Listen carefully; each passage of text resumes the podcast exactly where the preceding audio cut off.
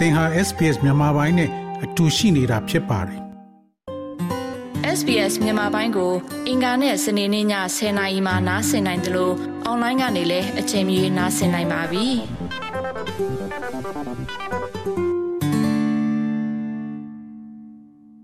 ရနာထားခဲ့တဲ့ပြပထုတ်ခါနိုင်ဖို့နိုင်ငံကူးလက်မှတ်ထုတ်ပေးတဲ့လုပ်ငန်းစဉ်တွေကိုပြန်လည်ဖွင့်လှစ်လိုက်ပြီလို့ဒီတစ်ပတ်အတွင်းမှာပဲစစ်ကောင်စီကကြေညာခဲ့ပါတယ်။ အဲ့ဒီလိုကြီးညာပြီးတဲ့နောက် online focus နဲ့ကြိုအားကုတ်ရဖို့ရှောက်ထားသူတွေစုပြုံဝင်ရောက်ကြတဲ့ဒဏ်နဲ့အတူ၃ရက်အကြာမှာပဲပြန်ပိတ်သွားခဲ့ပါပြီ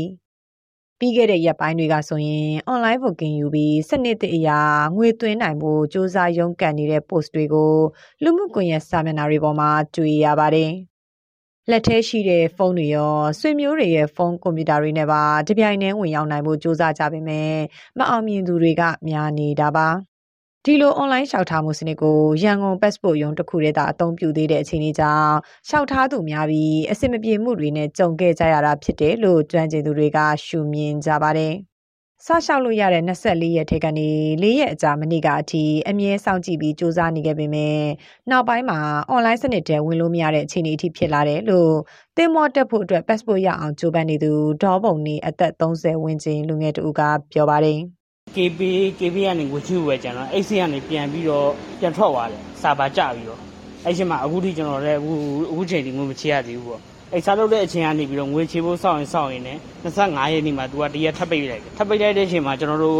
ပြီးကြမှာညနေလေးကြောက်ကျွန်တော်တို့ပြန်ဝင်ကြည့်လိုက်တော့အမှသူက26ရက်နေ့ပြန်ဖွင့်မယ်ဆိုပြီးတော့ကျွန်တော်တို့အဲ့ဒီ website တွေမှာစာထုတ်တာတွေ့တာပေါ့အဲ့စာထုတ်တာတွေ့တဲ့အချိန်မှာကျွန်တော်တို့လည်း26ရက်နေ့ကိုစောင့်နေတယ်ဟိုမနေ့တနာရီ2နာရီ3နာရီထပြီးတော့ကျွန်တော်တို့ အဲ့ဒီမှာ website တွေဝင်ကြည့်ကြတာပေါ့ပြန်ဖွင့်မဲ့ date ကိုအဲ့ကိုမကြီးညာသေးဘူးရက်တိကျမကြီးညာဘူးဆိုပြီးတော့စာထုတ်လိုက်တော့အခုအကုန်လုံးကလည်းစောင့်နေကြကျွန်တော်ဆိုရင်အခုအဲ့ဒီအများနဲ့ website မှာဝင်ကြည့်နေတာအခုဆိုရင် KB နဲ့ခြေဖို့ခြေလို့မရဘူးဖြစ်နေတယ်သူတို့ကသူတို့ဘက်က date ကိုအတိအကျထုံးပြကျွန်တော်တို့လည်းတော်တော်တော့ကရောက်နေတာ နိုင်ငံကူးလက်မှတ်ရဖို့အတွက်သက်ဆိုင်ရာရုံးမှာကိုယ်တိုင်တန်းစီလျှောက်ရတဲ့စနစ်ကိုအွန်လိုင်းကနေတဆင့် booking ရယူလျှောက်ရတဲ့စနစ်အဖြစ်ပြီးခဲ့တဲ့နှစ်မတ်လမှာစစ်ကောင်စီလက်အောက်ခံမြန်မာနိုင်ငံကူးလက်မှတ်ထုတ်ပြီးရုံးကပြောင်းလဲခဲ့ပါတယ်။နိုင်ငံကူးလက်မှတ်အသစ်လောက်တာတက်တန်တိုးတာတွေကိုပြုလုပ်နိုင်တဲ့အဲ့ဒီစနစ်ကိုအစင်းမြင့်တင်ဖို့ရှိတယ်ဆိုတဲ့အကြောင်းပြချက်နဲ့ပဲ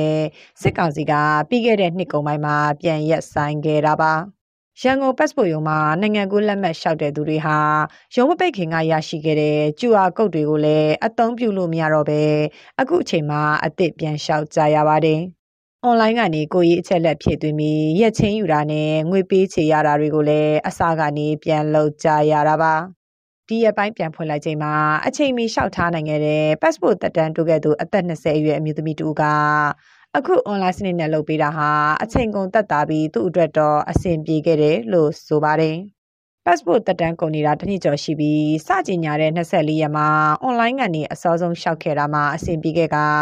မနေ့ကပဲတက်တန်းတို့လုပ်ငန်းစဉ်တွေကိုရုံးမှသွားလုပ်ခဲ့သူလည်းဖြစ်ပါတယ်။ ဆိုတော့အထဲကိုဝင်တဲ့နေရာမှာလည်းဒီအစင်ပြေတာကတော့ငွေကဒီအိမ်ကနေပဲသွင်းရတာဖြစ်တဲ့အတွက်ကျွန်တော်တို့အရင်လိုမျိုးဘဏ်မှာသွားပြီးငွေသွင်းရတာတွေဒီဘဏ်ကောင်တာမှာအကြာကြီးစောင့်ရတာတွေအဲအဲ့လိုမျိုးအချိန်မပုတ်တော့ဘူးအဆင်ပြေတယ်အဲအဆင်မပြေတဲ့နောက်တစ်ခုကတော့အချို့တွေက QR code နဲ့သူတို့ရဲ့အချက်လက်တွေလွဲနေရတွေတွေ့ရတယ် website ရဲ့ error ဖြစ်လိမ့်မယ်အဲတချို့ကတော့ form ဖြည့်တဲ့နေရာမှာ data တွေအထက်အောက်တွေလွဲကုန်တယ်ပေါ့နော်ဒီ website မှာဖြည့်ရတဲ့အဆင်မပြေမှုတွေပေါ့နော်အဲ့တော့ကျွန်မကတော့အထက်မှာအကုန်လုံးအဆင်ပြေပြေပြီးသွားတယ်အဲ့တော့တက်တန်းတိုးမှာဖြစ်တဲ့အတွက်တက်တန်းတိုးရမယ့်ကောင်တာမှာသွားတယ်လွယ်လွယ်ကူကူမြန်မြန်ဆန်ဆန်ပါပဲအဲခါတိုင်းလိုမျိုးမနက်ကလေးကသွားလုပ်ပြီးတော့မှဘန်တွေပါတွေသွင်းဆောင်ပြီးနေ့လယ်2နာရီ3နာရီ4နာရီ5နာရီမှာပြီးတဲ့ပုံစံမျိုးမဟုတ်ဘဲနဲ့အထဲမှာကျွန်တော်8နာရီကဂိတ်ရှိကိုရောက်တဲ့အခါမှာ8နာရီခွဲလောက်ကြတော့ရုံးထဲကိုကျွန်မဝင်လို့ရသွားတယ်9နာရီခွဲလောက်မှာ process အလုံးပြီးသွားတယ်ပေါ့နော် passport လျှောက်တဲ့သူတွေရဲ့ကိုရေးအချက်လက်တွေကိုကောက်ယူထားတာငွေသွင်းတာတွေကိုအခုလို online စနစ်နဲ့ကြိုးလုပ်ဆောင်တာဟာအချိန်သက်သာစေတယ်လို့ကြံ့ကျင်သူတွေကဆိုကြပါတယ်။ လူကိုယ်တိုင်မဖြစ်မနေသွားလို့ရတဲ့ eye scan ယူတာလက်ပွေယူတာလက်မှတ်ထိုးတာစတဲ့ bio data လုပ်တဲ့ကိစ္စတွေပဲကျန်တာဖြစ်တာကြောင့်ဖွံ့ဖြိုးတိုးတက်တဲ့နိုင်ငံတွေမှာဆို passport လျှောက်ထားတာဟာမိနစ်ပိုင်းကနေနာရီပိုင်းအတွင်းမှာပဲအမြန်ဆုံးပြီးမြောက်ကြပါတယ်ဒါပေမဲ့အခုမြန်မာနိုင်ငံမှာတော့အင်တာနက်လိုင်းမကောင်းတာအပြင်တချို့အသုံးပြုသူတွေအတွက်ဤပညာမကျွမ်းကျင်တာတွေကကြီးမားတဲ့စိန်ခေါ်မှုတစ်ခုဖြစ်နေတာပါ လက်တလောမှာတော့ကိုကြီးအချက်လက်ဖြည့်သွင်းပြီးအွန်လိုင်းငွေပေးချေမှုနဲ့စောက်ဖွင့်ခဲ့တဲ့တရက်ထဲမှာတင်ရက်ချင်းရရှိသူ8500ကျော်ရှိတယ်လို့သိရပါတယ်။တစ်ဖက်မှာတော့ကိုကြီးအချက်လက်ဖြည့်သွင်းကငွေပေးချေမှုလှုပ်ဆောင်ပြီးပေမဲ့ရက်ချင်းမရသူတွေကိုကြီးအချက်လက်ဖြည့်ပြီးစာဗာချုပ်ရမှုကြောင့်ငွေပေးချေဖို့ကြံနေသူတွေလည်းရှိနေပါတယ်။ ဒါဟာစစ်ကောင်စီဘက်မှအရင်အမြစ်တွေမလုံလောက်မှုကြောင့်အားနည်းချက်ဖြစ်ပေါ်တဲ့သဘောပဲလို့ပြောလာသူကနှီးပညာကျွမ်းကျင်သူတူပါဒီ website တစ်ခု operation run သွားနိုင်လောက်အောင်လိုအပ်တဲ့အရင်းမြစ်ပေါ့နော်အဲအရင်းမြစ်ဆိုတာမှာ server တွေပါမယ်နောက်တစ်ခုကျတော့ဒီ internet bandwidth တွေပါတယ်ပေါ့နော်အဲ့ဒါတွေကဟိုပြည့်စုံလုံလောက်မှုမရှိတာပေါ့နော်အခုကတော့ကျွန်တော်ကြည့်သမျှတော့သူတို့က ကြကြဝါတယ်ဆိုတာကဒီ server ဘိုင်းကဝင်လာတဲ့ user တွေကိုမနိုင်တာပေါ့နော်ဆိုတော့အခုမနိုင်ဘူးဆိုလို့ရှိရင်လည်းပြန်ကြည့်လိုက်လို့ရှိရင်ပထမဆုံးနေ့ရောဒုတိယနေ့ကောသူတို့ဝင်တာကကျွန်တော်မှန်းကြည့်ရင်တော့တောင်းကနေမရှိရပေါ့နော်အလွန်ဆုံးမှကျွန်တော်ရှိလာလဲ2000လောက်ပဲရှိမှာပေါ့နော်အဲ့လောက်ပမာဏကိုမှဟိုမနိုင်မဲနဲ့စာပါပြုတ်ကြသွားပြီပေါ့နော်ပြုတ်ကြသွားတယ်ဆိုတော့ဆိုလိုရင်းသဘောကတော့ ID platform အတွက်ဖြစ်တင်ဖြစ်ထိုက်တဲ့အရင်မြစ်ကို ဟိုသူတို့မထုတ်ပေးနိုင်တာပေါ့နော်ဟို website တစ်ခုကလူတောင်းကနန်းလောက်ကြည့်ရုံနဲ့ပေါ့နော်ဟိုကျသွားတယ်ဆိုတာအတိတ်ပဲမရှိဘူးပေါ့နော်ဆိုတော့အဲ့ဒါကတော်တော်ကိုနေပါတယ်တချို့ website တွေဆိုကဘာပေါ်မှာဆိုရင် website တော်တော်များများကဟိုတန်ကနန်းကြည့်တာပေါ့နော်အဲ့လိုမျိုးအခြေအနေမှာပါဒီတောင်းကနောင်းလောင်းနဲ့ကြတယ်ဆိုတာကတော်တော်ကိုအခြေအနေဆိုးဆိုးဖြစ်နေလို့ပါခင်ဗျနိုင်ငံတကာမှာအခုလိုအရေးပါလာတဲ့နိုင်ငံကူးလက်မှတ် passport ကိုနိုင်ငံသားတိုင်းလုပ်နိုင်ဖို့အခွင့်အရေးရှိပေမဲ့မြန်မာနိုင်ငံမှာတော့စုံရှုံနေတာပါ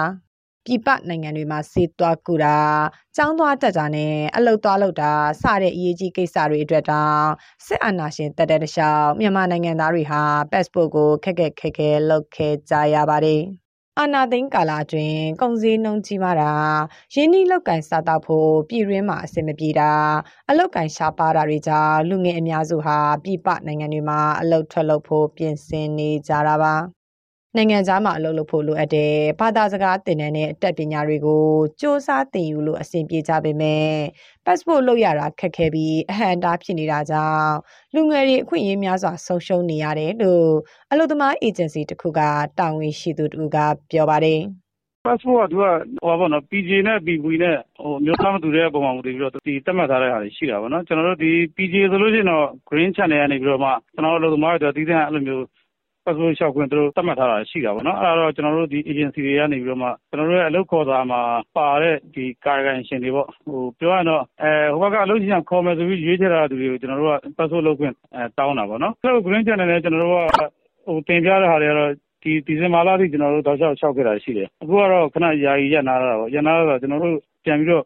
အခုသူတို့စီစစ်တာပေါ့နော်စီစစ်တယ်ဆိုတော့သူနိုင်ငံလိုက်တတ်မှတ်ထားတဲ့ဟိုလောက်ခေါ်တာပုံစံတွေနဲ့ဘာအခက်အခဲရှိလဲဆိုတော့အချိန်ကြီးကျွန်တော်တို့မလုပ်နိုင်တဲ့အခက်အခဲပေါ့နော်အချိန်ကြီးအဲ့မှာလည်းနောက်ကျတာရှိတယ်သုံးလပိုင်းမှာအလုံးရင်းနဲ့ဆက်ကြဖို့ရှိတယ်ဟိုဂျပန်မှာကျောင်းသားတက်မဲ့တွေပေါ့နော်အဲ့ဒီကလေးတွေဆိုလို့ရှိရင်လည်းတချို့တွေ passport မရသေးတာရှိတယ်ကျွန်တော်စီကနေကျောင်းနဲ့လွတ်မဲ့ကလေးလည်းကျွန်တော်တို့အဲ့လိုမျိုးသနာကံသာတင်ပေးတာရှိတယ်ဒါပေမဲ့ကျောင်းမထူးဘူးပေါ့မထူးဆိုတော့အဲ့လိုကျောင်းနဲ့သွားမဲ့ကလေးမှလည်းတော်တော်လေးအခက်အခဲဖြစ်နေတာရှိတယ်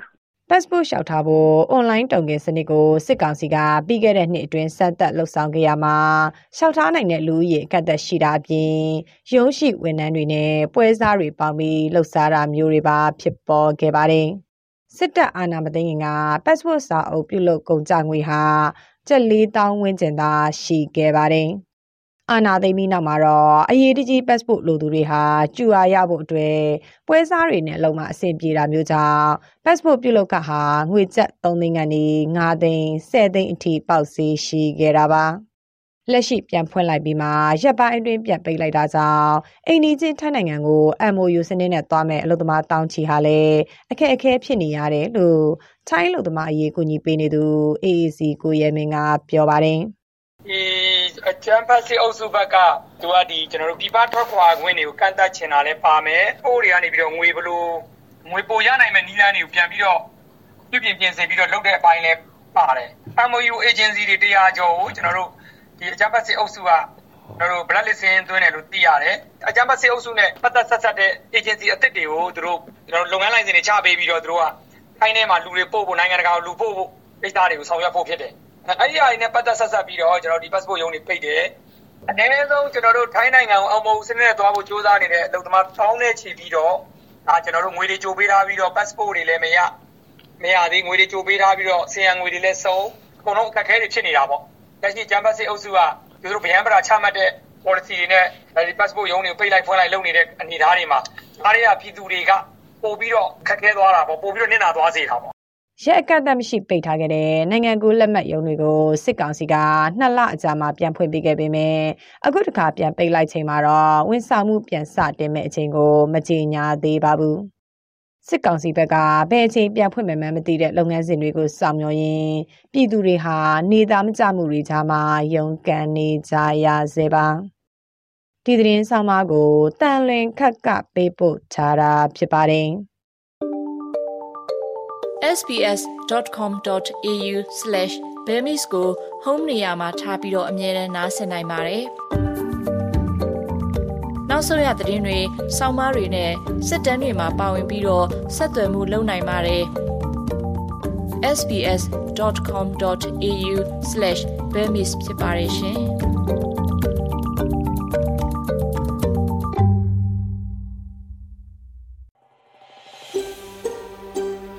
ဒါမျိုးသတင်းဆောင်မတွေကိုပိုနားဆင်လိုပါလား Apple Podcast Google Podcast Spotify တို့မှာသင်ပင်ရာဖြစ်ဖြစ်ရယူတဲ့ podcast ကနေပါ